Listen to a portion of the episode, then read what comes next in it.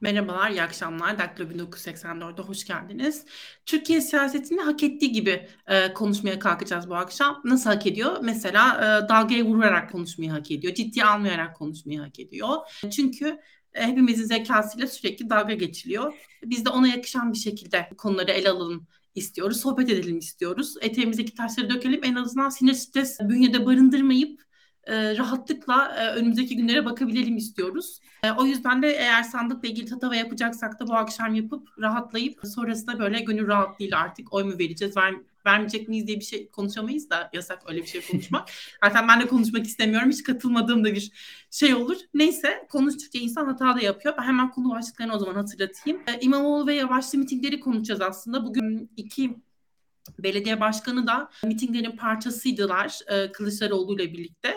Onu değerlendiririz. Erdoğan'ın ikinci adaylığı e, öyle nitelendiriliyor biliyorsunuz. Yani sıfırlandı, başbakan o sayıldı bu sayılmadı yeni sistem geldi gelmedi falan derken e, nihayet e, ikinci adaylığını yaşayacak umarım ve ikinci adaylığında da gereken cevabı alır oy verenlerden seçmenlerden diye umarak bunu değerlendirelim istiyorum. Vaatleri bugün açıkladı. Neler e, iddia ediyormuş yeni e, dönemi için. Cumhuriyet Halk Partisi listeleri tabii ki e, bildiğiniz gibi İyi Parti hariç diğer tüm partiler Cumhuriyet Halk Partisi listelerinden giriyor mu? Orada not etmeye değer bir şey. Tabii İyi Parti'nin de e, sanırım ya 2 ya 5 tam hatırlamıyorum.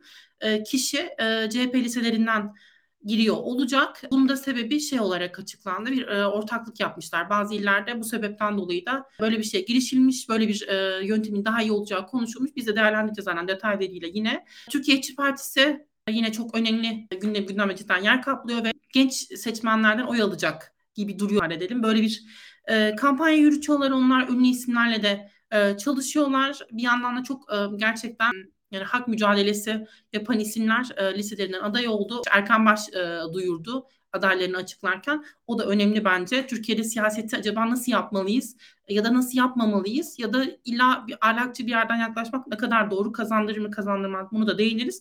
Ve e, son olarak bonus konulardan bir tanesi o da Rümeysa Kadak tabii ki. Bugün Twitter'da neden böyle oluyor, niye eleştiriliyorum ben, çok iyi yapıyordum aslında, çok gencim, çok harikayım, mükemmelim eleştirmek istenmiyor, istemiyor. E, güzel şeylerle anılmak istiyor. Biz de ona e, bu akşam güzel anacağız. E, eleştireceğiz onu istediği gibi, hak ettiği gibi. Madem yazmış biz de hakkını verelim dedik. O zaman başlayalım. Çağın senle başlayalım. E, baktın mı mitinglere? Nasıl seçmenin nabzını tuttun mu? Anadolu'nun nabzını tuttun mu? Nasıl e, hissediyorsun mitinglerle ilgili? Ve şeyi de sorayım aslında hani nasıl iyi kampanya yapacaklar, yapmayacaklar, orta kadar Kılıçdaroğlu bu iki isim aday olmadı falan derken Memnun musun? Ne diyorsun? Ya valla e, İmamoğlu bana kalırsa kaptırdı gidiyor öncelikle. Bunun e, çok ciddi yansımaları var. Hani hem e, artık dışarıdan izleyen bizlere hem de sahaya, mitinglere ve bu aslında çoğu e, analist tarafından şöyle yorumlandı benim gördüğüm kadarıyla. Hani Kılıçdaroğlu'nun belki daha böyle politika düzeyinde, daha daha böyle bir mediator, daha böyle orta yol bulucu bulan bir figür, daha belki arkada bir figür oldu ama İmamoğlu'nun işte halkla birebir etkileşime geçip tüm bu işte rüzgarı muhalefetle yine sırtladığı bir süreç başladı. Ama bunun hani sadece başlangıç olduğunu söylesek çok herhalde klişe bir şey olmaz çünkü bugün aslında Mansur Yavaş da bu şeye katıldı, bu e, rüzgara katıldı ve yavaş yavaş aslında diğer ittifak partilerinin de işte Deva Partisi'nin olsun, Gelecek Partisi'nin olsun aktif şekilde sahada olacağını görüyoruz. Şimdi bir taraftan mitingler gerçekten çok önemli mi? Hani en azından böyle muhalefetin oldukça konsolide olduğu yerlerde artık hani mitinglerin bir gövde gösterisi bile olmadığı hani işte birkaç kişiyi heyecanlandırıp hani e, uzun vadede belki birçok seçmenin oy tercihine çok büyük etki etmediğini görüyoruz. Ama diğer taraftan da bu e, mitinglerde özellikle Türkiye'nin e, mevcut çok yapısal sorunlarını işte hayat pahalılığı olsun, deprem sonrası deprem ihmalleri olsun, e, günümüzde bizi de orada etkilendiren sorunlara halkla birebir etkileşim çerçevesinde cevap verilebiliyorsa eğer ki bu da hani İmamoğlu gibi halkla iletişimi çok kuvvetli isimlerle ancak olabilir. Yine bunu da izlemek keyifli. Yani böyle bir atmosferde seçime girmek tabii ki keyif verici bir durum. Yani mitingler en nihayetinde tüm bu seçim atmosferi dediğimiz, seçim dinamizmi dediğimiz sürecin en temel yapı taşlarından bir tanesi. Ama tabii tek başına yetmez olduğunu en azından 2018 süreci işte Muharrem İnce'nin çok büyük mitingleri vardı vesaire falan o süreç kanıtladı. Bu sefer bence biraz daha farklı ama. Çünkü bu seferki dinamikler birincisi halkta olan biteni daha iyi kavrayacak inanılmaz bir e, halk insanı var İmamoğlu gibi. E, diğer taraftan Kılıçdaroğlu bu miting meselesinin çok fazla en azından değer verilmesi gereken bir şey olmadığını biliyor. Süreç bence akıllıca yürütülüyor ve hani böyle yavaş yavaş seçime kadar bu şekilde ilerlediğini göreceğiz gibi hissediyorum. Abdullah sen de aynı hislere sahip misin? Bir de sana dönerken aslında şey de sorabilirim belki. Mansur Yavaş'la ilgili çok fazla şey konuşmuştuk biz. Hani aday olursa kampanyayı nasıl yürütür, mitinglerde nasıl konuşmalar yapar, cidden ortaya bir iddia koyabilir mi acaba? Çok konuşuluyordu. Sen bugün izledin mi Mansur Yavaş'ı? Hani Mansur Yavaş üzerinde soruyorum ama tabii ki tabii ki sen genel olarak değerlendirebilirsin istediğin gibi. Bilmiyorum hani sana nasıl bir his geçirdi ve de sen hani konuştuğun insanlardan belki çevrenden nasıl dönütler aldın? Neler söylersin? Ee, yani muhalefet için hem iyi hem kötü şeyler söyleyebilirim. Çok karamsar bir tablo da yok. Seçimi kazandık da diyemem. Böyle bir hava da yok. Ee, şu bir gerçek yani Ekrem İmamoğlu şu an tüm muhalefeti Millet İttifakı'nı sırtlamış durumda. Ve günde 3-4 miting yaparak aynı zamanda İstanbul'da her gün onlarca açılış yaparak bu performansını sürdürüyor bir şekilde. Mansur Yavaş da bugün sahadaydı ve bana biraz Kılıçdaroğlu'nu anımsattı aslında Mansur Yavaş'ın siyaset tarzı e, ideolojik tartışmalardan veya işte direkt birilerine laf atmaktan ziyade e, ekonomik krizden, herkesin artık Türkiye'de terörist ilan edilebilme ihtimalinden bahsederek aslında biraz daha e, kararsız seçmene oynuyor gibi. Her ikisinin varlığı da çok önemli muhalefet için aslında bu noktada. Zaten e, Cumhurbaşkanı yardımcılıkları belli olduğu zaman da işte İmamoğlu'nun daha çok Karadeniz'de ve Ege bölgesinde, Mansur Yavaş'ın da İç Anadolu'da aslında bu e, mitingler yapacağı söylenmişti. Şimdi bu e, sistem aslında şu ana kadar çalışıyor diyebiliriz. Çağın da söyledi. Yani Kılıçdaroğlu biraz daha arka planda tüm muhalefeti birleştiren böyle daha uhrevi bir kişilik olarak duruyor aslında. Twitter'dan topluma sesleniyor belirli vaatlerde bulunuyor. Toplum farklı kesimlerine seslenmeye çalışıyor. Ama ben bence kaçan nokta şu. Birincisi deprem bölgesi. Yani şu an deprem bölgesi siyasetin odağı olmalıydı ve e, olacağı da söyleniyordu aslında bu e, kampanya başladığı zaman. Evet e, dönem dönem gidip geliyor muhalefet partilerin genel başkanları veya Kılıçdaroğlu ama hiçbir zaman gidip orada tüm siyasi partilerin yani Millet İttifakı'nın tüm genel başkanları mesela bir arada bulunmadılar. Halka seslenmediler veya depremle alakalı e, deprem yaralarının nasıl sarılacağına dair e, konutların ücretsiz verilmesinden ziyade çok elle tutulur bir vaatte de bulunulmadı. Ya burada şu yapılabilir.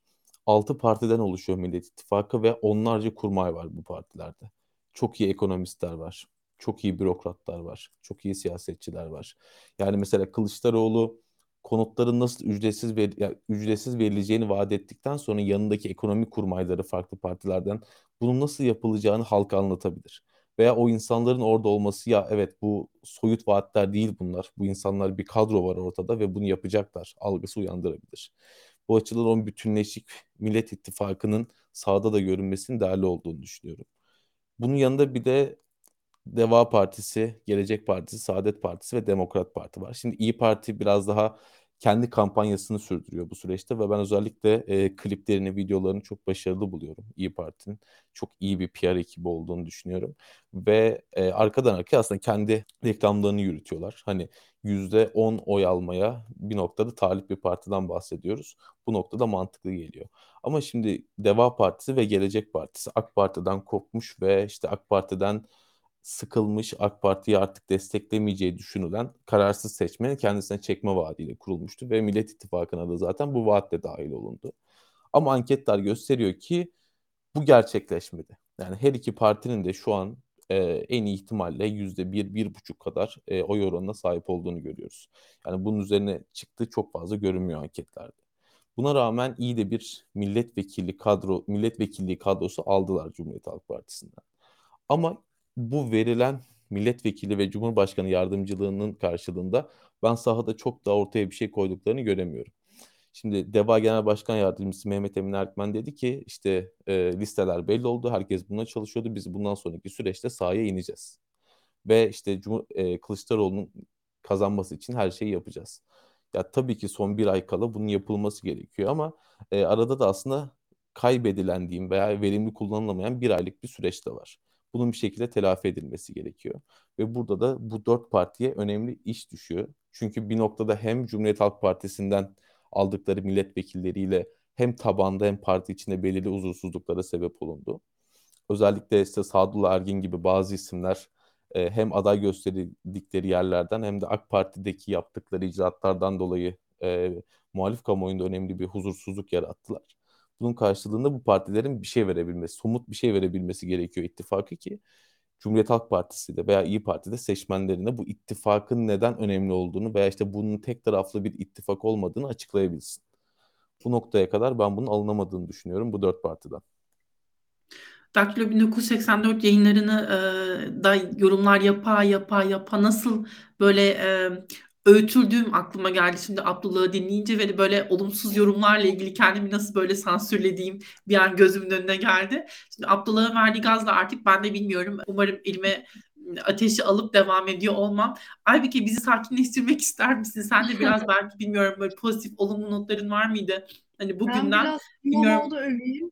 İçimize bir su serpsin. Yani önce Hadi bakalım başlayayım. dinliyoruz seni. ya şöyle ben e, so, işte son 2-3 özellikle e, mitingin İmamoğlu'nu takip ettim. İşte Isparta, Amasya, Tokat, Burdur. Bunlar bunlar üzerine biraz birkaç not aldım. Önceki Abdullah'ın e, ve Çağ'ın çok güzel yerlere değindiler. İşte Abdullah'ın bu deprem üzerine durması umarım muhalefetin de kulağına gider deprem teması.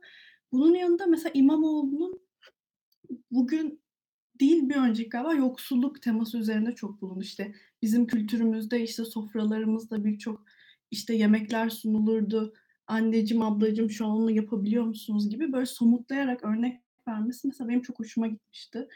Ya da mesela bundan bir önceki mitinginde de mesela Erdoğan'a yuhalatmayı durdurmuştu. İşte biz onları zaten seçim günü evlerine göndereceğiz gibi özgüvenli bir duruş böyle iddialı bir duruşu vardı. Bu Mesela bu son zamanlar benim çok hoşuma gidiyor. Çok da Twitter'da klipler dönüyor.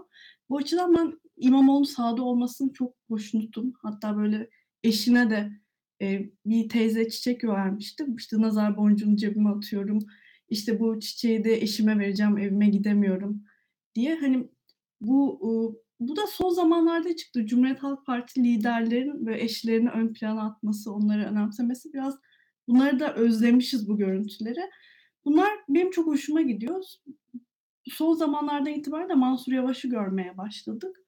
Evet hani belki de Mansur Yavaş İmamoğlu gibi böyle bir rockstar değil kendini sağ sola fırlatamıyor belki ama onun da aslında Türk toplumunda belli bir e, profil temsil ediyor Mansur Yavaş. Daha İç Anadolu, daha milliyetçi. Hele ki şu son zamanlarda işte siz e, teröristlerle ittifak halindesiniz diye AK Parti MHP'li kanatların söylemleri üzerine daha aslında yerli ve milli bir e, duruşu da sembolize ediyor. Abdullah biraz Deva'nın Gelecek Partisi'nin de sağda olmasını söyledi. Buna katılıyorum ama ben mesela şunu şu konuda endişe duyuyorum. Yani bunlar nasıl koordineli aynı ortak söylemleri ya da yakın söylemleri bize sunabilecekler? Bu konuda kafamda bir soru işareti var. Ben bir de bir eleştiri olarak Kılıçdaroğlu'nun çok geri planda kaldığını düşünüyorum. Yani Twitter'da biraz okuyorum insanların ne dediğini ya da işte sokakta hep İmamoğlu gözüküyor ve hani aslında aday Kılıçdaroğlu birazcık daha hani onun da öne atılması gerekiyor bu süreçte. Ben şeyi düşünüyorum ya. O, o öne atılmak, öne atılma ile ilgili bir biraz daha açar mısın? Hani nasıl bir e, orada değişim ya da arzu edersin ya da nasıl olmalı sence? Ya bence bir tık daha hani aslında sert de konuşuyor ama e, mesela ben çok tek düze konuşan bir insanım ve hani genelde yayınlarda bana eleştiri geliyor. Ama mesela Kılıçdaroğlu da benim gibi olmayıp böyle bir tonunu yükseltmesi gerekiyor. Biliyorum zor bir şey bu.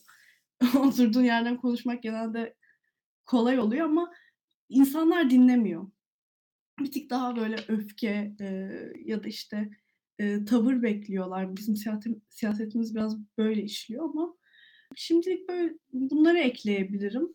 Ee, Sana kurban olsunlar ya. Yani böyle böyle söyleyince ben de şey yaptım. Tabii ki izleyici yorumlarını hep başımızın üzerine yani. Biz de çok esinleniyoruz ve kendimize daha farklı şeyler yapmaya kalkıyoruz ama e, kurban olsunlar sana gerçekten.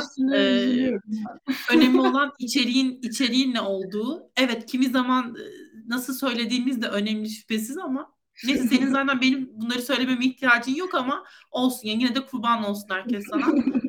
Ee, Abdullah senin eklemek istediğin bir şey vardı. Evet ya ben yine şeytanın avukatlığını yapacağım. İmamoğlu'nun e, bu kampanyada öne çıkması ve zaten ondan öncesindeki adaylık tartışmaları da ittifak içerisinde belli kesimleri rahatsız ediyordu. Ki şu anda ediyor. Mesela Saadet Partisi Genel Başkanı Temel Karamollaoğlu geçen şöyle bir açıklama yaptı. Asıl olan 5 e, Cumhurbaşkanı yardımcılığıdır dedi. Veya Ekrem İmamoğlu'nun ve Kılıçdaroğlu'nun katıldığı iftar programında Saadet Partisi'nin ev sahiplerine düzenlenen programda fotoğraf paylaşılırken İmamoğlu'nun olmadığı fotoğraflar paylaşıldı. Veya aynı zamanda Deva ve Gelecek'ten de aynı şekilde yani bu asıl olan 5 Cumhurbaşkanı yardımcılığıdır fikri alttan alta aslında verilmeye çalışılıyor. Burada yani Kılıçdaroğlu'nun geri planda kalması ve İmamoğlu'nun ön plana çıkması hassas bir dengede tutulması gerekiyor bir noktada ki ilerleyen dönemde ittifak içinde bu ittifak içerisinde bir sıkıntı çıkarmasın. Çünkü kalan e, Akşener dışındaki dört genel başkanın e, özellikle İmamoğlu'ndan belli derecede rahatsız olduğunu söyleyebiliriz. Bunun temelinde de şunun olduğunu düşünüyorum. Şimdi İmamoğlu aslında sağ seçmenden e, oy alabilen veya oy alabilme potansiyeline sahip bir isim. Ve bu aynı zamanda Saadet, Deva ve Gelecek Partisi'nin masaya vaat ettiği bir e, şeydi. Biz AK Partili veya kararsız seçmenleri masaya getireceğiz. İttifaka e, yakınlaştıracağız diye. Bunu bu üç parti yerine İmamoğlu yapabildiği için veya böyle bir ihtimal olduğu için e, bu seçim kazanıldıktan sonrası sonrası için de olası bir güç senaryosunu değiştirebiliyor. Yani ivme biraz daha İmamoğlu'ndan yana kayabiliyor. O yüzden burada da hassas bir denge olduğunu düşünüyorum. Diyeyim sözü size bırakayım. Listelerle ilgili de konuşuldu. Yani e, denildi ki Cumhuriyet Halk Partisi listeleri biraz daha İmamoğlu'na yakın ya da İmamoğlu ile kavgalı olmayan isimlerden seçilmiş. Siyasi partilerin elbette bir, birer peygamber kulübü ya da birer böyle iyi ahlaklı insanlar kulübü olmadığını biliyoruz. O yüzden tabii ki e, herkesin hani kendince e, siyasi e, planları, amaçları var. Ve tabii ki yani e, dünya yansa, deprem de olsa bu insanlar tabii ki kendi çıkarlarını düşünüyorlar. İmamoğlu için tabii ki söylemiyorum. Hani diğer tüm siyasiler için bu söylediğimi geçerli kabul edebiliriz. E, ama bir parti var ki o biraz daha farklı bakıyor. Türkiye İşçi Partisi. Onu konuşacağız zaten birazdan. Ben şimdi Çağan'a dönmek istiyorum. Çağın e, bu Erdoğan'ın sıfırladığı adaylıklarından sonra işte bu ikinci adaylık meselesi ve bugün inanılmaz vaatler. İnternet vesaire o Sorma. liyakatle alınacakmış. Heyecanlandın mı? Yani bir şey çok çok. Böyle. Oh, oley dedin mi? Çok çok heyecanlandım. Sorma gerçekten. Yani tam zaten yayın öncesinde yine bir karıştırıyordum. Alkolde vergiler indirimini gördün mü? Ee, şeyi gördüm Neuron'a. ÖTV falan indiriyormuş böyle ilk arabada vesaire. İnanılmaz vaatler. Yani e, ya ÖTV gerçekten... çünkü alkol tamamen yasaklanacağı için. E, kırbaç yemediğimiz zamanlarda alkol de içemeyeceğiz. Yani şu, şu, şu çok komik bir şey ya gerçekten hani bilmiyorum. Yani bunun hani tabii ki e, AK Parti seçmeni var ülkemizde. Hani çok e, neredeyse hala anketlere baktığımızda yüzde kırklık oranlardan bahsediyoruz ve hani kendi seçmenine şunu ikna edebiliyor olduğunu ben düşünmüyorum AK Parti'nin ve Sayın Cumhurbaşkanı'nın. Yani 20 senedir iktidarda olan bir irade ve şu an hani Cumhurbaşkanlığı hükümet sistemindeyiz ve CBK'ların hukuki kuvvetini artık en e, sade vatandaş dahi öğrenmiş durumda. Tek bir Cumhurbaşkanlığı kararnamesiyle çözebileceği bir hikaye konusunda nasıl neyin vaatini gerçekleştirir Sayın Cumhurbaşkanı? Yani bu konuda e, seçmenini nasıl ikna edecek? Ben gerçekten anlamakta güçlük çekiyorum. Yani aslında şu şu demek değil mi? Yani bir daha seçilirsem ben eğer kamuda işte mülakatlar daha liyakatli olacak. E, o zaman demek ki şu ana kadar liyakatsizdi demek oluyor bu. Yani bu nasıl böyle bir söylem, böyle bir anlatı kabul görebiliyor? Sen nasıl şaşırıyorsun ki? Sen Erdoğan'a niye kızıyorsun ki şu an ben anlamadım.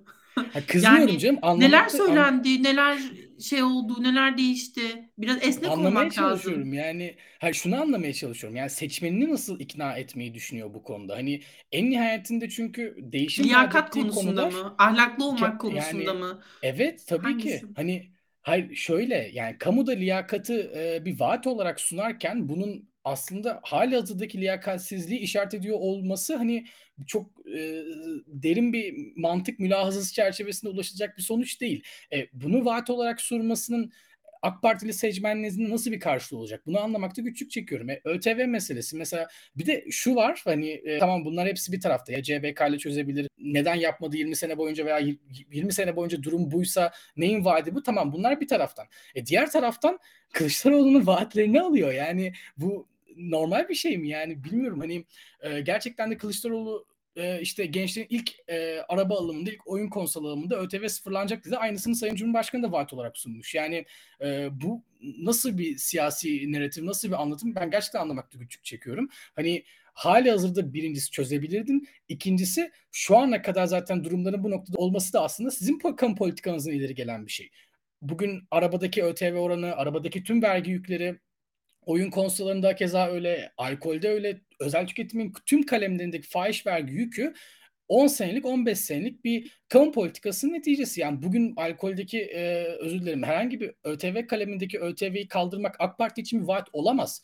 ÖTV'yi daha yükseltmek bir vaat olabilir. Yani şu mesela bence tutarlı olurdu. Gerçekten de işte alkol zararlı ben ÖTV'yi yükselteceğim. Okey kabul edebilirim böyle bir vaati AK Parti tarafından. Hani anlay- anlayabiliyorum. Veya araba bir özel tüketimdir. İşte ne bileyim e, negatif dış sağlığı var. Ben bunun ÖTV'sini yükselteceğim. Anlaşılabilir ama bugün çıkıp da işte gençlerin ilk araba alımındaki ÖTV'yi düşüreceğim demek ben 15 sene boyunca kötü bir vergi politikası izledim. Bazı tüketim ürünlerine erişilmez kıldım. Bunlara inanılmaz vergi yüklettim. E, seçerseniz beni gençlerin ilk alımında bir güzellik yapacağım size. Yani bu iyi bir vaat değil ya. Bu hani e, üzerine tartışmak gerçekten çok güç çünkü anlamıyorum gerçekten de. Neyin hedeflendiğini anlamıyorum. Seçmen nasıl ikna edilecek bunu anlamıyorum ama kötü bir durum demek ki.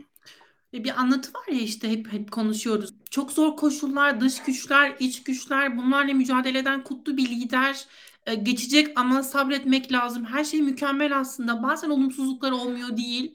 E, bazen asrın felaketiyle sınanan o güçlü ulu liderin arkasında toplanmış milyonlar ve biraz sabır, biraz sabır, biraz sabır istiyor sadece. Ve o sabrı gösterenler Türkiye'nin gücüne tanıklık edecek ama o sabır ne kadar sürmesi gerekiyor onu bilmek bilmiyorum. Ee, Abdullah ne der? Ee, onu ona soralım. Ee, ne kadar sabır göstermek lazım bu e, o kutlu hedeflere ulaşmak için? Ee, bir şey Twitter'da birisi yazmış. Cumhur İttifakı'nın vaatlerinden sadece 2023'ün geleceği gerçekleşti diye. Evet gerçekten 2023 yılındayız. Ee, inanılmaz. Onda bile aslında bilmiyorum gerçekleşti mi? Çünkü pandemiden sonra e, hangi senede yaşadığımızı da karıştırmaya başladık. E, belki de 2022 yaşıyoruzdur. Yani kim bilir bazen ben hala düşünüyorum hangi senedeyiz diye. E, soru işareti bırakalım oraya. Abdullah bir de hani bu e, Sayın Erdoğan'ın e, AK Parti Genel Başkanı olarak e, açıkladığı vaatler bir de şey bu gemi mi var vesaire ben şimdi kendime gazeteci demiyorum ve sorumluluktan kurtuluyorum. bu tür haberleri tamam. takip etmek vesaire sorumluluğundan kurtuluyorum ama belli ki sen takip etmişsin. E, belki onunla ilgili yorumların varsa onları da alalım bu turdan. Ya şimdi bu vaatler meselesine gelince aslında bir yıldan uzun bir süredir gündemi muhalefet belirliyor ve Millet İttifakı belirliyor iktidar bunu arkadan takip ediyordu. Yani Kılıçdaroğlu'nun vaatlerinin Erdoğan tarafından çalınması işte bugüne özgü bir şey de değil aslında. Bu EYT meselesi de böyle oldu.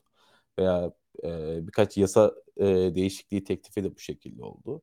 Çünkü muhalefetin halka artık somut bir şey sunabilecek gücü var. Veya daha doğrusu zayıflayan iktidar gündemi belirleme gücünü muhalefete bıraktı. Yani burada e, iktidarın bu vaatleri çalması veya kendi vaadi gibi kullanması siyaseten mantıklı bir hamle olarak görülse de mesele günün sonunda bunun kime yazıldığı olacak. E, muhalefetin de burada bunun bunların yani 21 yıllık AK Parti iktidarında verilen hiçbir vaadin yerine getirilemediğini ve bundan sonra verilen hiçbir vaadin yerine getirilemeyeceğini anlatması gerekiyor. Bu muhalefetin sorumluluğunda olan bir şey. Ve bunun karşısına da kendisinin somut gündemle çıkması gerekiyor. Şimdi Twitter'da da şöyle bir tartışma dönüyor birkaç gündür işte soğan mı e, uçak gemisi mi tartışması dönüyor. Yani hangisi halkın gerçek gündemi veya işte hangisi Türkiye'nin hak ettiği siyaset muhabbeti. E, bir süredir yine e, muhalefet bu somut sorunlara erişmekte veya bunları halka anlatmakta güçlük çekiyordu aslında. Ki Kılıçdaroğlu son e, birkaç gündür atağa geçti. Bu soğan mevzusunda olduğu gibi. Yani gündem belirleme inisiyatifini iktidara bıraktığınız zaman ya kimlik politikalarına sıkışmış bir muhalefet görüyorsunuz ya HDP ile yapılan ittifaka sıkıştırılan bir muhalefet görüyorsunuz ya da savunma sanayi şimdi işin içine giriyor. Ve burada da işte TCY Anadolu meselesi. Yani şu an ekonomik olarak seçmenine hiçbir şey sunamayacak olan iktidar ve Erdoğan tabii ki de elde şu an ne varsa bunu e, seçim meydanlarında ön plana çıkaracak. Ve savunma sanayide her zaman bir hamaset yarattığı için ve bu işte milliyetçi duyguları körüklediği için bir yerde çok da kullanışlı bir araç baktığınız zaman.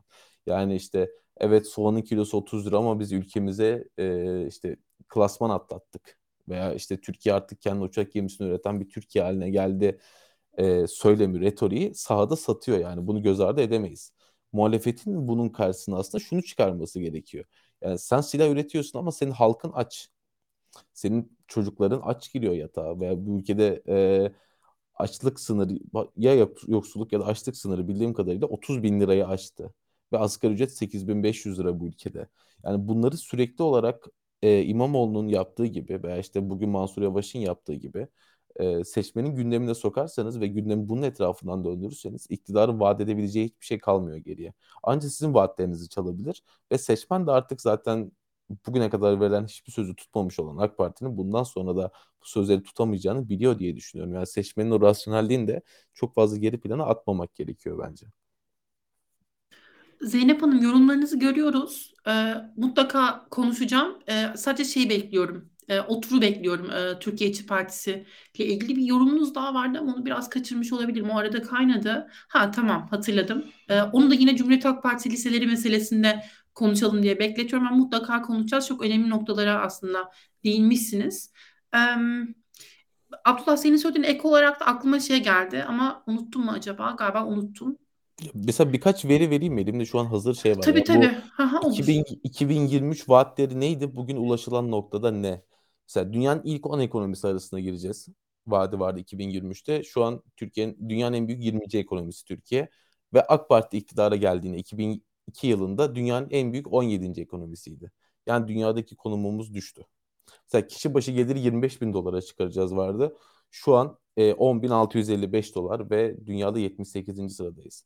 Zaten bu da revize edildi ve 16 bin dolara düşürüldü bugün. Veya ihracatımız 500 milyar dolara çıkacak vardı. İhracatımız şu an 254 milyar dolar. Veya işte demokrasi ve hukuk ilkelerini tam işler hale getireceğiz deniyordu. Türkiye şu an tüm demokrasi endekslerinde özgür olmayan ülkeler kategorisinde. Ve işsizliği %5'e indireceğiz deniyordu 2023 vaati için. Ee, şu an işsizlik %10, genç işsizlik ise %19.2'ye ulaşmış durumda.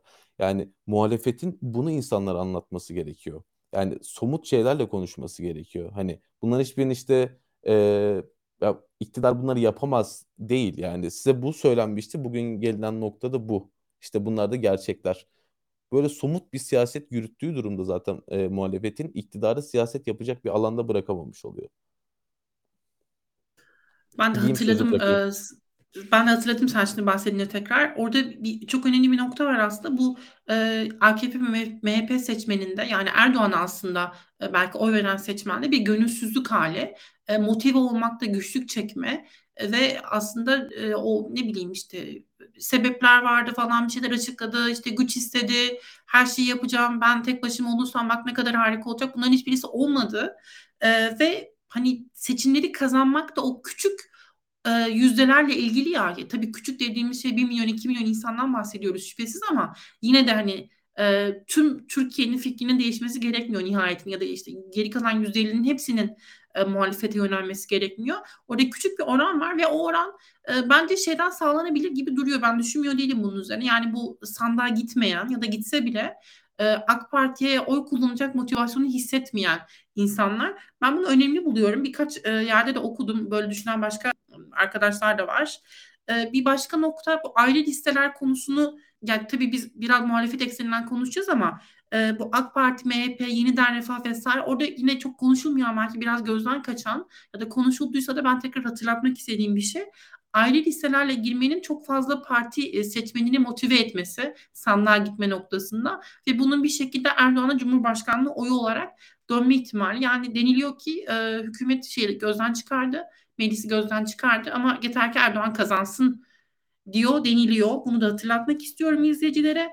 Bir şey bir nokta daha yine bu gönülsüz AK Parti e, seçmeni meselesinden konuşmuşken bu yeniden refahtır falan bu kadar gerici söylemin e, dalgalandı ve bu kadar erkek siyasetin izlendiği ve bu erkek siyasetçilerin hiç karizmatik ve ilgi çekici figürler olmadığı, yani bunun da hani oy verme davranışında önemli olduğunu biliyoruz. Kadın seçmenler için e, erkek e, siyasetçilerin fiziksel olarak güzel gözükmesi ya da bunu tam tersine okursak tabii böyle şeylerin e, olduğunu biliyoruz siyasette. İşte Kanada örneği, Fransa örneği tabii ki bu siyaseti tamamen belirler ya da tüm kadın seçmenler böyle oy verir demiyorum ama bu da önemli. Erdoğan'la ilgili hep konuştuk çünkü e, ne kadar karizmatik olduğu, ev kadınlarının e, nasıl etkilendi ki şimdi İmamoğlu'nun miting görüntülerine bakınca da aslında o teyzelerin falan böyle inanılmaz bir sarılma, inanılmaz bir fiziksel temas kurma şeyi ortaya isteği ortaya koymaları yine buraya da bir soru işareti koyayım. Bence burada muhalefetin eşlerle görüntü vermesi değerli, önemli. E, kadın siyaseti açısından ben kadınların e, ciddi anlamda kararsızlık yaşadığını düşünüyorum. Ev kadınlarının, orta yaşlı kadınların, daha, daha yaşlı kadınlar, ya yaşlı kadınların belki oy vermeler biraz daha sabittir ama orta yaşlı kadınlar acaba bir soru işareti koyuyorlar mı diye ben düşünmüyor değilim. Çok konuştum. Abi sana veriyorum hemen. Sen ne diyorsun bu Erdoğan'ın ilgili? İnternete heyecanlandın mı? 10, ee, 10 GB mı? O, o nasıl kullanırsın? Vallahi bitmez yani o. Aman dikkat. Ee, ne diyorsun? Bu arada bir ya şey diyeceğim önce... çok özür dilerim. Yani bu böyle benzer bir e, vaat şeyde de var. Muhalefette de var ne yazık ki. Yani dinozorlara gençlik politikası hazırlamak olarak okumak lazım ama Türkiye'ye has da değil. Bu ben yazdım Twitter'dan. Yani Almanya'da da emin olun Sosyal Demokrat Parti e, böyle bir vaatte bulunuyor olsa tam böyle olurdu ve hiç o, o vaat gerçekleşemezdi bile. E, çok özür dilerim. Sendeyiz. Estağfurullah. Yani Maya ben öncelikle senin bu kadınlar üzerine durman e, ilgimi çekti. Çünkü bununla alakalı bir araştırma e, okudum. Kadın oy verme davranışıyla alakalı. Aslında kadınların oyu erkeklere göre biz daha zor değişir. Yani aslında kadınların oyunu almak daha zordur. Ve aslında İmamoğlu için bu da çok önemli bir veri. Çünkü İmamoğlu yeni bir siyasetçi aslında. Son 4 yıldır tanıdığımız, bundan 6-7 yıl önce hayatımız olmayan bir figürdü. Ya vaatler konusunda hani ben çoğunu Kılıçdaroğlu'ndan duydum ya 10 GB olsun işte gençlerle alakalı işte ilk PC e, alımında işte vergi muaflığı falan. Ya yeni söylenecek bir şey yok AK Parti'nin. Herhalde 20 yıllık hikayesinin sonuna geldiğinde bir e, sonucu. Ya bir de mesela ben vaatlerin bir yarısına baktım. Mesela ilaç, kendi ilacımızı kendimiz üreteceğiz gibi e, bir e, şeyde bulunuyordu iddiada. O da aslında bayağı bir acıklı bir durum. Ben alerji aşısı oluyorum ve aldığım aşılar kurdan dolayı geçtiğimiz ay artık Türkiye gelmemeye başladı ve bayağı da bir sıkıntı yaşadım. Yani şunu demeye çalışıyorum aslında bu e, kur ekonomik sıkıntıların yarattığı sorunları başka şekillerde çözmeye çalışıyor iktidar. Ben artık böyle, bu şekilde görüyorum. E, başka ne eklenebilir e, bununla alakalı? Mesela e, Abdullah işte silah sanayi üretimindeki bu şeylerden bahsetti. İşte iktidarın bunun üzerinde durduğunu, işte muhalefette bunu bir tık hani biz daha soğan alamıyoruz. İşte silah bizim elimize gibi bir tutum sergiledi fakat ben muhalefetin buna hiç yorum yapmaması gerektiğini düşünüyorum. Çünkü aksi bir şey söylendiğinde bu sefer siz işte bizim e, gelişmemizin önünde engelliyorsunuz gibi böyle bu tarz negatif bir yorum da yaratabilir e, kararsız seçmen gözünde. Genel olarak ekonomik vaatler üzerine durmak herhalde muhalefet için iyi olur. Ben e, artık AK Parti'nin e, vaatlerine heyecanlı bir şey bulmamakla beraber Maya şunu da görüyorum hani nasıl söyleyeyim çok da ihtiyaç duymuyor yeni bir söylem üretmeye. Çünkü artık onu... Ayrıca böleceğim ama şeyi hatırlıyor musun geçen seçimleri? E, demişti ki kıraathane açacağım, kek vereceğim falan. Bayağı da dalga geçmiştik aslında şaka maka. Ve kazandı. yani orada bilmediğimiz bir şey de var belki bilmiyorum. Hani TikTok'ta ya ben... yani TikTok akımı başladı ya acaba hepimiz kek falan mı şey yapsak? Bilmiyorum gerçekten bilmiyorum. Ya bence bu kampanya sürecinde somut bir şey sunmak çok önemli. Sen katılır mısın? Yani daha böyle e, işte tamam hak hukuk demek çok Ele avuca gelir e, evet, şeyler. Ben bunları, ben Sen de az önce dikkat çektin ya İmamoğlu'nun mitingde mesela biz işte eskiden evlerimize gelen insanlara işte şöyle yemekler yapardık, böyle şeyler ikram ederdik. Oysa şimdi mesela eve gelen misafire verilen hiçbir gıda etli olmuyor. Ama bu insanların müthiş bir vejetaryen aydınlanma yaşadığı yaşamasıyla alakalı değil yani. Bu çok gerçek Yani- bir şey ve bence mesela bu çok hani dokunan bir şeydi. Ama bu bir vaat mi yoksa bir sorunun tespiti mi? Hani orada işte ikisini dengelemek kesinlikle haklı. Aynı fikirdeyim seninle. Ya bir de şöyle mesela ben e, bu, bu da hiç söylenmiyor ama dışarıda yemek yediğimde artık etten çok patates görüyorum. Çünkü ucuz olduğu için. Ya mesela bu tarz böyle gözle görülür, hayatta hissedilen şeyleri öne koymak önemli. Ee, Patso e, konuşuyoruz. E, Türkiye'nin icadı. Yerli ve milli hani icat falan deniyor ya. e, Yok kimsenin kullanamadığı e, kimi araçlar vesaire değil. Pa- Patso'yu falan icat ediyoruz. Biz patatesi e, ekmeğin arasına koyup onu falan yiyoruz. Belli ki öyle de devam edecek. Eğer bu iktidarla devam edersek diye söyleyelim. Ve gelelim kan kusup kızılcık şerbeti içtiğimizi iddia ettiğimiz konuya. Tabii yani ben bunu böyle biraz ironik şekilde söylüyorum. Ben benim artık hiç canım acımıyor Türkiye siyasetiyle ilgili. Ne yalan söyleyeyim ama bilmiyorum Çağın acaba e, kan kustu mu liseleri görünce? Özellikle Sadullah Ergin biraz tartışıldı Deva Partisi'nde. Onun e, Adalet Bakanlığı döneminde e, çok ciddi hukuksuz, hukuksuzluklar olması sebebiyle. Bilmiyorum sen bakınca ne gördün, ne hissettin, ne düşündün? Liseler tatmin etti mi seni? Cumhuriyet Halk Partisi için sorayım. Sonra tip vesaire konuşuruz yine. Tabii yani aslında hani ya burada bence yapısal bir sorun var. Hani listelerin şu an e, ki yani önümüzdeki seçimdeki halinden ziyade buradaki en büyük sorun Türkiye'de parti içi demokrasi diye bir şeyin hani lafta bile olmaması. Yani uçup giden böyle bir söz var. Parti içi demokrasi, parti içi demokrasi böyle hayalet gibi dolaşıyor ortalıkta ama yani şey yazmıştı Yunus Emre Erdoğan yazmıştı yanlış hatırlamıyorsam Twitter'a. Yani Amerika'daki bir arkadaşıma desem ki işte biz bugün e, rastgele bir şekilde partilerin milletvekili adaylarını öğreneceğiz desem Amerika'daki arkadaşım şey der diyor. Yani nasıl yani siz bunu e, son anda mı öğreniyorsunuz vesaire falan. Yani bu aslında gerçekten demokratik ülkelerde tahmin dahi edilemeyecek derecede korkunç bir uygulama. Neden? Çünkü oy vereceğimiz insanları bir takım işte parti elitleri parti meclislerinde oturup işte bunu mu alalım şunu mu alalım şeklinde e, belirliyorlar. Temayül yoklaması diyor mesela İyi Parti. Temayül yoklamasında birinci çıkan adayları şeyde bile görmüyoruz. Neden ona ilk üçte ilk dörtte bile görmüyoruz falan. Yani korkunç bir durum söz konusu. Bu hani aslında en nihayetinde hani yapısal tarafı bunun da şu hani Türkiye'nin tabii ki demokratikleşmesi ilerleyen süreçte tamam bir iktidar değişikliği olacak ama muhalefetin de bu noktada yapısal bir değişikliğe gitmesi çok önemli en nihayetinde. Yani çünkü bu şekilde bir durum söz konusu olmasaydı yani bu kadar antidemokratik olmasaydı bu e, aday belirleme süreci işte ön seçimin öğüsü yok, temel yoklaması deniyor, bunun bir bağlayıcılığı yok vesaire. Biz bunu tartışmıyor olurduk. Yani ne bileyim CHP gönül rahatlığıyla ver, verecek bir seçmen bugün Sadullah Ergin için işte dediğin gibi kan kusup kızı, e, kızılcık şerbeti yedim deme noktasına gelmiyor olurdu. En nihayetinde ama tabii ki bunun tüm e, çıktıları yapısal. Yani bugünlük bir sorun değil bu. E, eğer ciddi bir şekilde bu ön seçim mesela kanuni bir güvenceyle partileri zorunlu olmazsa bu zaten böyle olmaya devam edecek. Ama e, başlı başına bunun tabii ki en problematik tarafı işte o parti elitleri dediğimiz ve çok eleştirdiğimiz yani adaylık sürecinde olsun ondan sonra önümüzdeki işte e, belki miting sürecinde yani tüm aslında Türkiye siyasetini e, etkileyen özellikle CHP gibi köklü partinin tabii ki elitleri gündeme geliyor. Bu parti elitlerinin e, iki dudağı arasında olmak tabii ki tedirginlik verici bir şey. E, bunun da önlemek e, işte bu tüm parti süreçlerinin demokratikleşmesi şeklinde e, gerçekleşecektir. Ama çok e, büyük bir ama koymak istiyorum devam etmeden önce. Yani seçime gidiyoruz sonuçta. Listelerde önümüzde yani. Bu saatten sonra e, tabii ki bunun yapısal e, çıktılarını vesaire falan tartışmanın çok mantıklı olduğunu en azından bugün için düşünmüyorum. Hani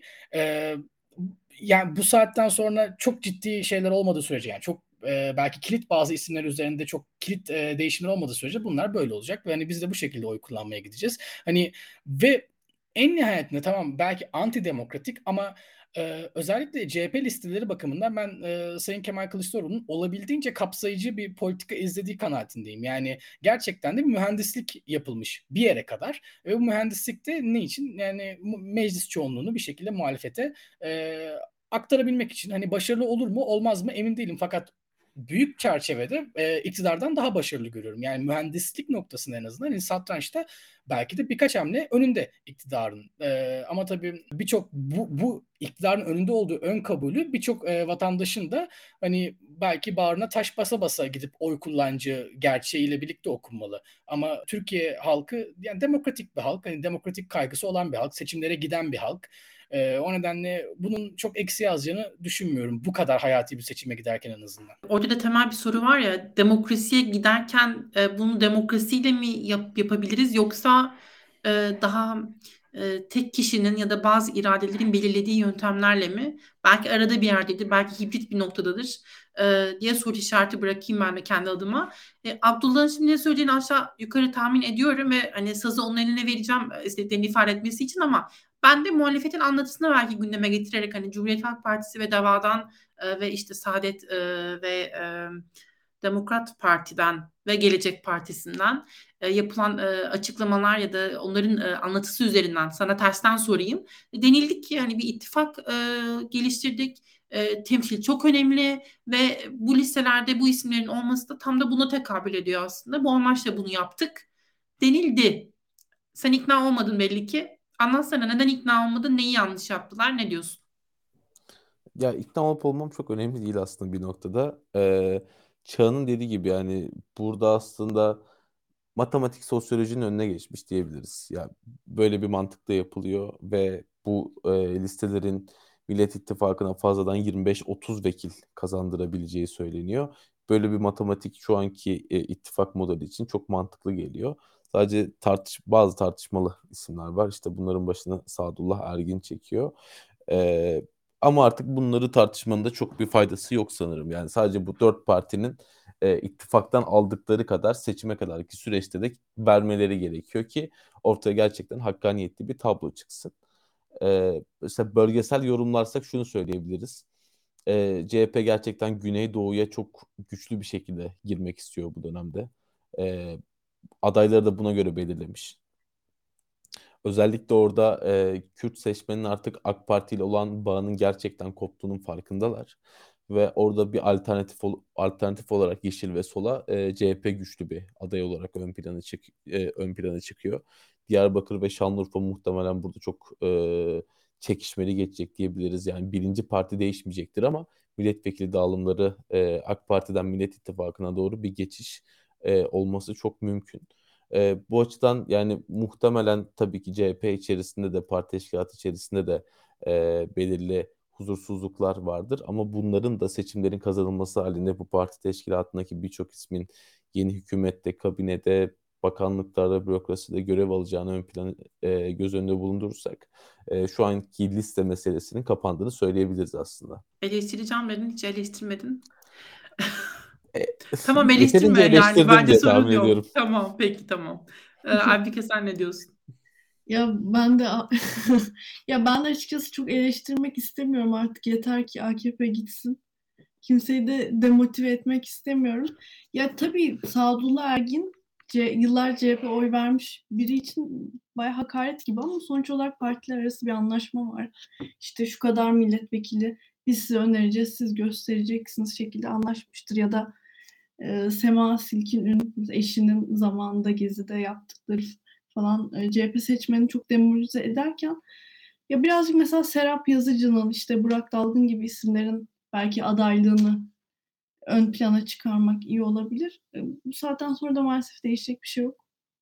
Umarım hani bu e, küskün e, muhalif seçmeni tip ya da işte alternatif bir partiye oy vermeye ya da işte Muharrem İnce Memleket Partisi'ne vermeye yönlendirmez diye umuyorum.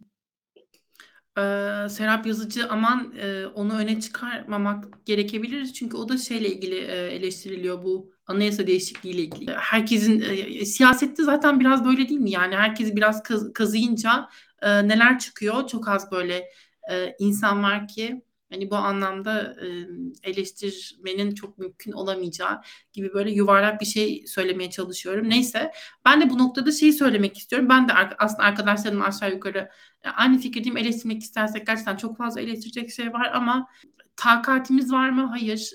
Yani gerçekten hiç öyle böyle bir enerji var mı derseniz hayır. Ben bir de isimlerle ilgili çok şey yapmıyorum. Hani Sadullah Ergin ya da vesaire yani tabii çok farklı anlamları var. O mağduriyetleri bizzat yaşayan insanlar için hiç hani bunu yatsıyamam. E, kesinlikle anlıyorum. E, ama gerçekten bilmiyorum yani acaba hani doğrusu nedir vesaire. Belki kişilere takılmamak mı lazım ama bu da dışarıdan söyleyene kolay belki. O yüzden hani bunu da böyle bırakalım madem. Ve şeye geçelim, tipe geçelim. Türkiye İşçi Partisi'ne geçelim. Ha bir yandan da aslında yani evet işte bu listeler yapıldı ama e, bu listelere çok olumsuz bakan ve gerçekten çok içi hiç rahat etmeyen insanlar için Türkiye İşçi Partisi'nin adayları var. Ama bu adaylarla ilgili de soru işareti acaba Türkiye İşçi Partisi milletvekili çıkarabilecek mi? O gereken oyu alabilecek mi? Çağın ne dersin? O oylar alınacak mı? Ve şeyi de sorayım. Yani bu kadar hani e, biraz ahlaki yönden tartışmışken bir de şey var. Barış Atay'ın mesela Hatay'da milletvekili e, sırasını e, bırakması e, ve işte e, Antalya'da ikinci, e, ikinci sıradan aday olması. Sence yani burada ahlaki davranmak mı önemliydi? Yoksa burada gerçekten seçimleri nasıl kazanacağız diye böyle inanılmaz bir enerjiyle, inanılmaz işbirlikleri yaparak mı gitmek daha önemliydi? Hani bunun bir cevabı olduğu ya da bir seni yönlendirmek için asla sormuyorum. Ama cidden merak ediyorum. Sen ne düşünüyorsun? Ee, ya valla tip çok e, ilginç bir mesele şu anda. Hani e, ya ben liberal bir gençim. E, liberal ekonomiye inanıyorum ve hani mesela ekonomi konusunda tip tipin 180 derece karşısında olduğunu söylemem zor, mümkün yani 180 derece tam zıttındayım. E, buna rağmen ben tipin başarılı olmasını in- bekliyorum belli noktalarda. Çünkü Türkiye siyaseti için bence iyi bir alternatif görevi görüyor. Özellikle Türkiye sol siyaseti bakımından. Yani bu sol popülizm diye çok eleştirdiğimiz e, popülist bir retorik izleyip işte Avrupa'daki, Avrupa'daki muadilleri taklit eden bir retoriği de olduğu söylenir ama buna da ihtiyaç var. Seçmen bunu da eğer e, takdir edecekse yani bizim çok haddimize değil diye düşünüyorum bunun üzerine konuşmak. Ee, özellikle tipe belki eleştiri getirebileceğimiz nokta hani Yeşil Sol Parti ile bu yeni sistem bakımından hani milletvekili çıkartma şeyi bakımından bu oran dengesini bozacağı bir takım e, iller olduğu kanaatindeyim. Hani en azından e, tek parti gelirse daha fazla e, aday çıkarılacak bir takım iller var. Bunun başında da mesela İstanbul geliyor e, veya İzmir gibi büyük şehirler geliyor. Ama bu bile bence tek başına tipi eleştirmek için e, yeterli bir sebep değil. Çünkü Yeşil Sol Parti'ye de o, o bölgelerden çekil diyebilirdik. Çünkü en azından belki o bölgelerin seçmen sosyolojisi tipin yürüttüğü söyleme, tipin yürüttüğü işte politik narrative daha yakında olabilir. O yüzden seçime ilk defa girecek bir partiden bahsediyoruz. Şeye bakın kendi listesinden tek ilk defa girecek partiden bahsediyoruz. Ee, Yeşil Sol Parti'nin hala yani İstanbul gibi İzmir gibi e, şehirlerde ne yapacağını kestiremediğimiz bir süreçten bahsediyoruz. O yüzden tipe çok yüklenmenin ben bu süreçte doğru olmadığı kanaatindeyim.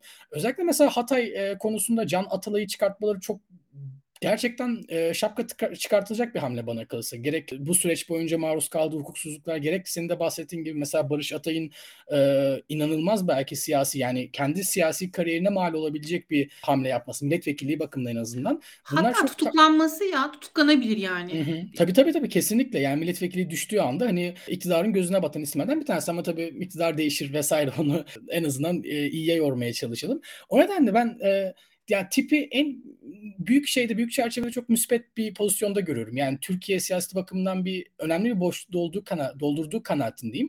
İşte tek eleştiri ama bu Yeşil Sol Partili bence ortak bir eleştiri. Hani anlaşamadığı noktalarda iki tarafta bir noktaya kadar inat etti. Hani bugün artık çok inatların ön planda olduğu bir gün değil en azından seçim sattığında. Umarım gerçekten de e, en azından büyük şehirler bakımından çok büyük bir e, aday akışı olmaz bu iki partinin örneğin e, yakın oy alması, yakın oy oranlarında e, bulunması suretiyle. Eğer böyle bir sorun olmazsa e, tipin en azından %7'yi geçme ihtimali olan partilerden bir tanesi olduğunu düşünüyorum büyük çerçeveye baktığımızda. Abdullah sen ne dersin? Türkiye İşçi Partisi'ne, Türkiye siyasetine ne ölçüde ihtiyaç vardı? Ne, ne, ne tür bir boşluğu doldurmaya kalkıyorlar ve bu kampanyaları ve söylemleri ilgili olarak ne söylersin? Hani diğer partiler açısından Cumhuriyet Halk Partisi ve Yeşil Sol Parti liseleri altında seçime girecek olan HDP açısından ne tür problemler ya da ne tür milletvekili kayıplarına yol açar? Senin gözlemlerin neler o noktada? Ya Türkiye İşçi Partisi hani Türkiye'de HDP ve e, Kürt hareketi dışında bağımsız bir sol hareket olmasını istiyor. Yani seçimlere kendi listeleriyle, logolarıyla girme talebinin aslında en büyük sebebi buydu. Yani bu seçimler bir noktada da aslında rüştün ispat etme seçimleri. Ee, yani Millet İttifakı'ndaki o küçük partilere yaptığımız eleştiri aslında burada tip e, bunu yabana atmış oluyor. E, özgüveniyle ve e, parti logosunun artık Türkiye'de bir solu temsil etme iddiasıyla. Yani bu açıdan siyaseten mantıklı bir hareket olduğunu söyleyebiliriz. Yani Türkiye'de Kürt hareketinden bağımsız bir sol partiye veya sol harekete de ihtiyaç var. Buna ihtiyaç da diyemeyiz aslında da hani Türkiye siyasetinde böyle bir kanat olması da gerekiyordu. Ama şimdi burada şöyle bir sıkıntı var. Yani e, zaten seçime e, 41 ilde kendi logonuzda girmeniz gerekiyor en az. Yani dolayısıyla bir fermuar modeli yapılabilirdi CHP ve İyi Parti'nin yaptığı gibi. Burada yapılamaması da bir noktada aslında tipin ısrarı ve Yeşil Sol'un buna e, bir noktada reddetmesiyle veya işte ters tepki vermesinden kaynaklanıyor ama bugün gelinen noktada şunu görüyoruz. Mesela İstanbul'da birinci bölgede birinci sırada tipin adayı Serra Kadıgilken Yeşil Sol'un adayı Sırrı Süreyya Önder ve bu iki kişi aslında Süleyman Soylu'ya karşı yarışıyor olacaklar. Yani böyle bir çekişmeye oy kaybına ne gerek vardı diye insan soruyor. Veya işte e, tip tek başına 100 bin oy alabilir mi? Yani Hatay'a baktığımız zaman Hatay'da Barış Hatay HDP'nin adayı olarak seçildi. Ve aynı zamanda yani orada bir HDP tip ortaklığı vardı. Bu ortaklığı şu an bozuyorsunuz ve bunun karşılığında hem HDP hem tip ayrı ayrı yarışıyor Hatay'da. Ee, bir yandan CHP yarışıyor ve AK Parti'de deprem bölgesinde özellikle vekil çıkartmak için hem meşru hem de gayrimeşru her yolu yol kullanacaktır diye tahmin ediyorum. Ki seçim güvenliğinin minimumda olduğu bir bölgeden bahsediyoruz yani. Veya keza Barış Atay Antalya ikinci sıraya yazılıyor. Yani zaten şu anki tipin dört milletvekili seçilmesi yine garanti olarak görülen milletvekilleriydi. Ve bundan e, birinden feragat edilmiş oldu. Diğeri de İstanbul'da Sırrı Süreyya Önder gibi yani Türkiye'de Kürt hareketini veya solun işte en öne çıkan bilinen isimlerden birinin karşısına atmış oldunuz. Bu noktada e, siyasete mantıklı bir hareket olmadığını düşünüyorum ben. Yani Erkan Baş katıldığı yayınlarda hani bizim kendi çalışmalarımız e, bu vekilleri ve işte anketlerimiz çıkarabileceğimizi bize gösteriyor diyor ama yani mutlaka vardır çalışmaları ama şu an mevcut duruma baktığımız zaman yani tipin en yüksek ankette çıkan oyu %1,3 veya 1,4 ki bu da zaten deprem döneminde özellikle Türkiye İşçi Partisi'nin Hatay'da yaptığı gerçekten olağanüstü çalışmanın kısa vadeli topluma yansımasıydı. Yani bu seçime kadar götürülebilir mi muallak.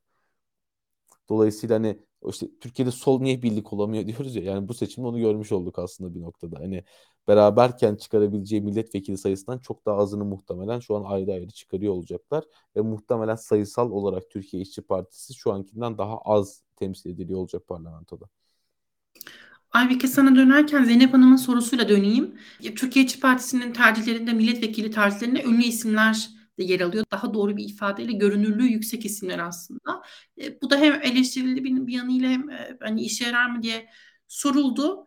E, sana kısaca yorumlarını alayım ki e, Memleket Partisi taşlamak ve Rümeysa Kadak eleştirileri yapmak için zaman kalsın. E, sen de. Ben de bir kısaca ya o konu hakkında ben Twitter'da çok şaka yaptım. Tiple çok dalga geçtim gerçekten işte. Ee, ve Allah'tan hiç böyle linç falan da yemedim. O anlamda da tip seçmenine teşekkür ederim. Ya bence bu iyi bir e, nasıl diyeyim reklam kampanyası da olabilir diye düşünüyorum. Yani e, tabii ki her aday meclise giremeyeceği farkında fakat e, bir şekilde e, böyle bir pozitif etkisi olabilir. Bunun yanında ben e, Abdullah'ın da bahsettiği gibi Yeşil Sol'la ortak listeden girmektense bu seçimde tip özellikle deprem zamanında yarattığı ilmenin bir sonucuyla kendini test etmek istiyor. Yani bu e, bu seçim o seçim ben açıkçası kafamda soru işaretleri var. Yani bu seçimde böyle bir riske girmektense hani Yeşil Sol'la bir anlaşılıp e, çıkarabileceğinden daha fazla oy çıkarabilirdi ki ben kişisel olarak onu tercih ediyorum. E, çok da fazla bir şey söylemek istemiyorum ya Maya. Bu kadar. Bir Zeynep Hanım'ın yine değindiği bir nokta vardı. Şunu söylüyordu. Cumhuriyet Halk Partisi liselerinden seçilen isimler işte Saadet Partisi olsun, e, Gelecek Partisi olsun, Deva Partisi olsun eğer parti değiştirirlerse ya da hükümet politikalarına uygun e, davranışlar sergilemezlerse mecliste daha farklı yasa ve anayasa değişiklik tekliflerine destek verirse AK Parti tarafından getirilen nasıl bir e, problem yaşardık gibi bir soru sormuş. Ben bu soruyu çok önemli buluyorum aslında. Ona kısaca değinmek istiyorum. Biz bunu zaten şeyde yaşadık. anayasa e, maddesi değişikliği teklifi geldi AKP tarafından.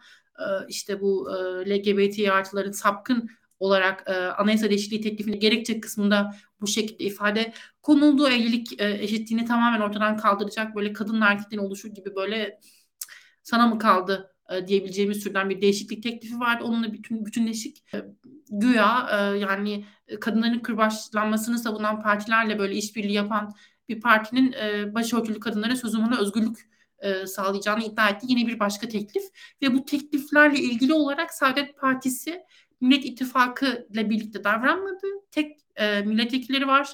Konya milletvekili AK Parti ile birlikte davranıp e, teklife destek verdi. Depremden sonra bu teklif geri çekildi ama yani biz eğer o ilerleme sürecini görseydik belli ki Saadet Partili vekil bu teklife destek verecekti. Ben bunu çok önemli buluyorum. Yani bu e, listelerden tamam girdiler, seçildiler her neyse ama nasıl hareket edecekler? E, bunu Twitter'dan da yazdım. E, yani Saadet Partisi olur, Deva gelecek. Ne hangi parti olursa olsun başka partilerden de tabii yani e, bu tür böyle farklı e, şeyler olabilir, farklı isimler çıkabilir ama bir şey çok önemli. Yani muhalefet tabii ki işte bu seçim çok önemli, e, farklı ittifakları yapmayı gerektiriyor ve bu partiler aynı pozisyonda olmak zorunda değiller her konuda. Ama bu şey anlama gelemez mesela. Yani siz mesela istediğiniz gibi antisemit olamazsınız. İstediğiniz gibi homofobik, transfobik olamazsınız. Sizin gibi olmayan insanları sapkın diyemezsiniz. Sizin gibi olmayan, sizinle aynı mezhepsel, e, dinsel e, inançlara sahip olmayan insanları yaftalayamazsınız. Onları ötekileştiremezsiniz. Ve seçim olsun olmasın e, bu asla kabul edilemez. E, bu noktada e, bir dikkatli olmaları gerekiyor. Olma yani bu şekilde böyle e, ben işte şeyim istediğim gibi davranırım, istediğim kişiye sapkın derim falan. Öyle öyle bir dünya yok e, olmamalı e, diye buradan çağrımızı yapalım. Ben çok önemli buluyorum bu yorumu. Bu vesileyle kendim tırnaklı yargı dağıtmış oldum aslında. Memleket Partisi kurmayı e, meselesi vardı. Bazı zaman çok daraldı. Onunla ilgili ne söyleyebiliriz ki yani hiç şaşırmıyor, şaşırtmıyor.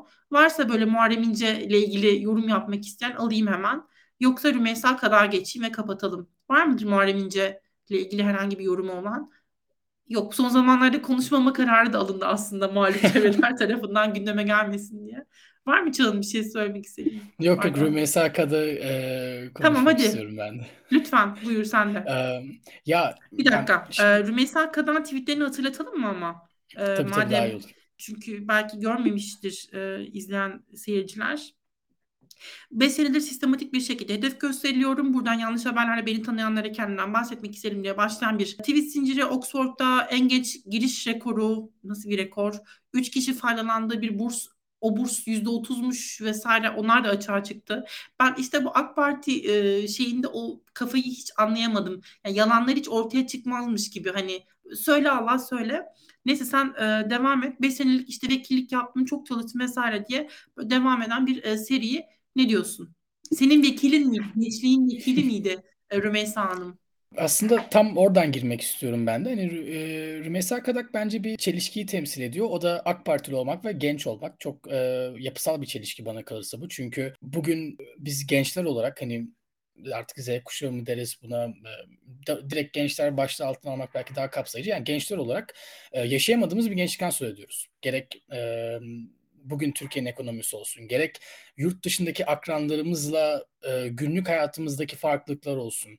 Yani e, en basitinden e, ya çok klişe ama işte parti deyince aklımıza siyasi parti geliyor ne bileyim dışarıda partilemekten e, önce ve bunun da sebebi aslında yaşadığımız ortamı değiştirme arzusu. Çünkü yurt dışındaki akranlarımızın önceliği eğlenmekken, önceliği kendi refahları iken ne bileyim çok az bir çalışmayla ev araba sahibi olup işte aile kurabiliyorlarken biz çok çok daha günlük çok çok daha hayati sorunlar üzerine çok çok daha fazla kafa yoruyoruz Türkiye'deki gençler olarak. Buna rağmen Rümeysa Kadın gençlik siyaseti yaptığını iddia etmesi AK Parti içerisinde bence korkunç bir çelişki. Çünkü aslında biraz değindik yani ne bileyim TikTok çekmek işte 10 GB internet demek rap şarkısı yapmak bunlar gençlik siyaseti falan değil. İşte Rümeysa Kadak yanlış hatırlamıyorsam işte böyle YouTube'da vloglar çekiyordu, TikTok'lar çekiyordu.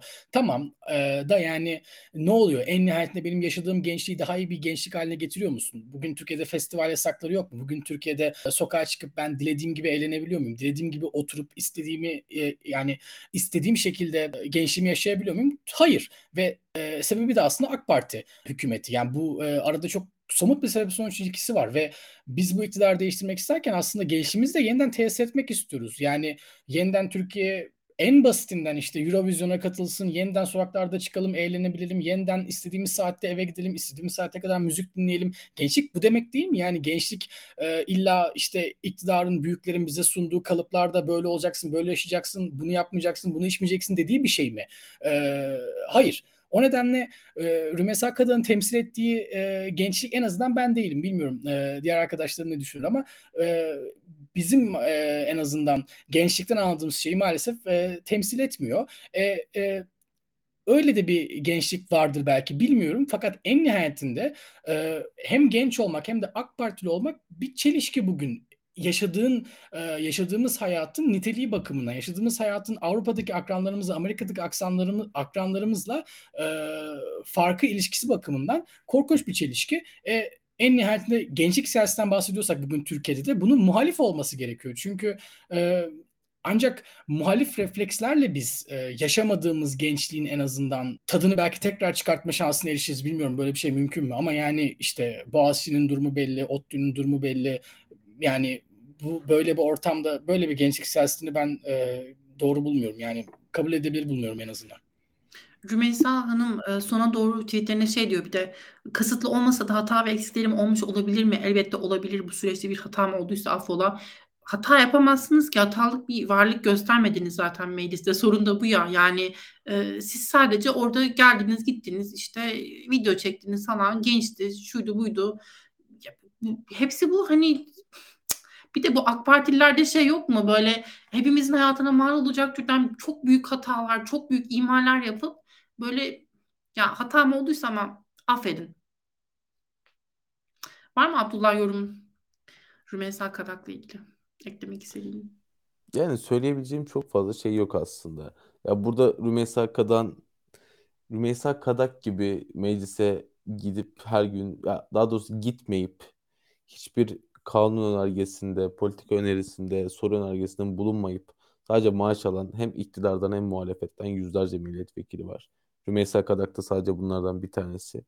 Bence göze batmasının sebebi gençleri temsil etme, işte en genç milletvekili olma e, iddiasıyla meclise girip bunun karşılığında hiçbir şey e, yapmamış olması. Ama dediğim gibi ben e, yani Rümeysa Kadak'ın özelinde kişiliğinde bir şey eleştirmektense bunu genel olarak oraya milletin temsilcisi olarak gidip ve bunu sadece bir maaş veya ihale almak veya milletvekilliğinin ayrıcalıklarından yararlanmak olarak gören yüzlerce milletvekiline bu eleştirileri yöneltmeyi daha doğru buluyorum.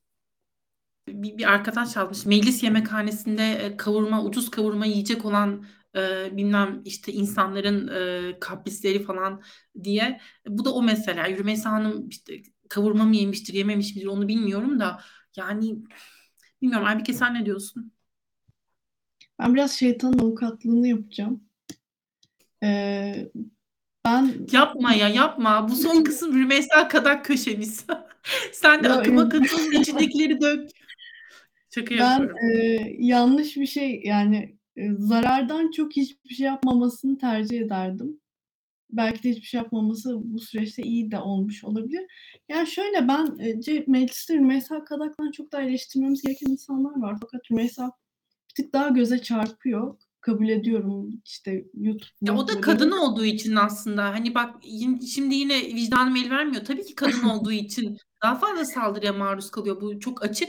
Başörtülü bir kadın olduğu için daha fazla saldırıya maruz kalıyor. Bu da açık. Yani hiç lafım yok buna.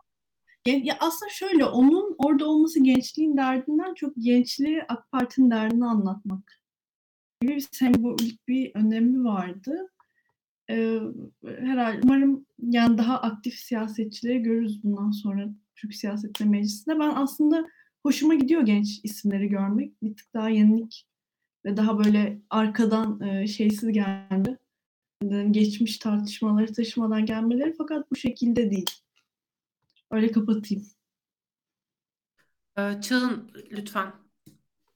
Ya aslında Aybüke'nin e, değindiği çok önemli bir nokta var. Hani AK Parti'nin derdini gençlere anlatmak. Aslında tam da eleştirmeye çalıştığım şey benim de buydu. Hani biz böyle bir hayat yaşıyoruz ama e, Rümeysa Hanım geliyor bize diyor ki işte bor e, çıkacak artık bundan sonra hani e, borlarla e, ilerleyeceğiz. Yani çok aslında eski işte 2023'e kadar dalga geçtiğimiz narratifi e, bizim önümüze tekrar sunuyor. Yani aslında asıl problem bu zaten. Yani elbette hani e, genç bir kadın milletvekili olması değerli, bir başörtülü milletvekili olması değerli. Bunlar çok değerli e, asetler kendisi bakımından. Ama gençlik bakımından bulunduğu pozisyon en azından bizim vekilliğimizi yapan bir pozisyon değil. Yani bizim dertlerimizi meclise taşıyan pozisyon değil. Aksine e, bize karşı işte siz kızıyorsunuz ediyorsunuz ama işte borç çıkıyor gibi bir şekilde e, arada artık bir vekillik görevi e, gören ama tabii bizim lehimize değil AK Parti lehine bir e, pozisyonda olduğu için bence e, eleştirilmesi gereken bir noktada.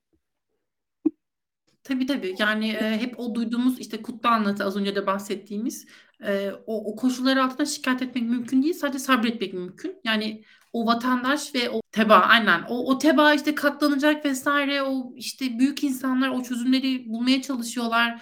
E, aç mı kaldın sorun değil çatıdan mı itildin hiç problem değil geçecek. yani demek ki hayattasın bak işte ambulans gelmişti ambulans kim getirdi AK Parti öncesinde yoktu falan gibi bir anlatıyla e, devam eden yani varlığı yokluğu bir e, böyle tweet attı falan bir şeyler yaptı. Tabii ki tek o değildi e, ama madem hani o özel olarak ben eleştiri istemiyorum gibi bir noktadan hak etmedim bunları gibi bir noktadan söylediği için e, onu özellikle ben de seçtim. Hani başka varsa sizin gözünüze takılan bir bir sonraki hafta yine e, böyle ucuz kavurma yiyen e, ucuz kavurma diyorum da ben şaka bir yana keşke ucuz kavurmayla kalsa. Yani bir açsam belki ne ihaleler ne işte şeyler çift maaşlar, üç maaşlar vesaire çıkacak. Ee, neyse çok da uzattım. Ee, uzatmayayım daha fazla ama şeyde çok tatlı değil mi? Yani böyle e, istediğin gibi eleştirmek. İnşallah denk gelmeyiz Rümeysa Hanım'a. Ee, sonra bilmiyorum ne olur. Ee, neyse ne olursa da olsun yani onu da eleştirmeyeceksek artık. Cumhurbaşkanımızı eleştirmiyorum e, fark ettiğiniz gibi. Rümeysa Hanım'ı eleştiriyorum. Ee, diye böyle şey e, insaf da isteyelim e, değerli e, AK Partililerden. Neyse çok uzattım. E, yeter bu kadar. Çok teşekkürler arkadaşlar değerli yorumlarınız için. Değerli yorumlar kısmında gördüğüm, okuduğum değerli yine yorumlar için aslında çok teşekkürler. Onlara da teşekkür ediyorum. Size de teşekkür ediyorum değerli analizleriniz için e, ve herkese iyi akşamlar diliyorum. Görüşmek üzere. Maya ben teşekkür ederim.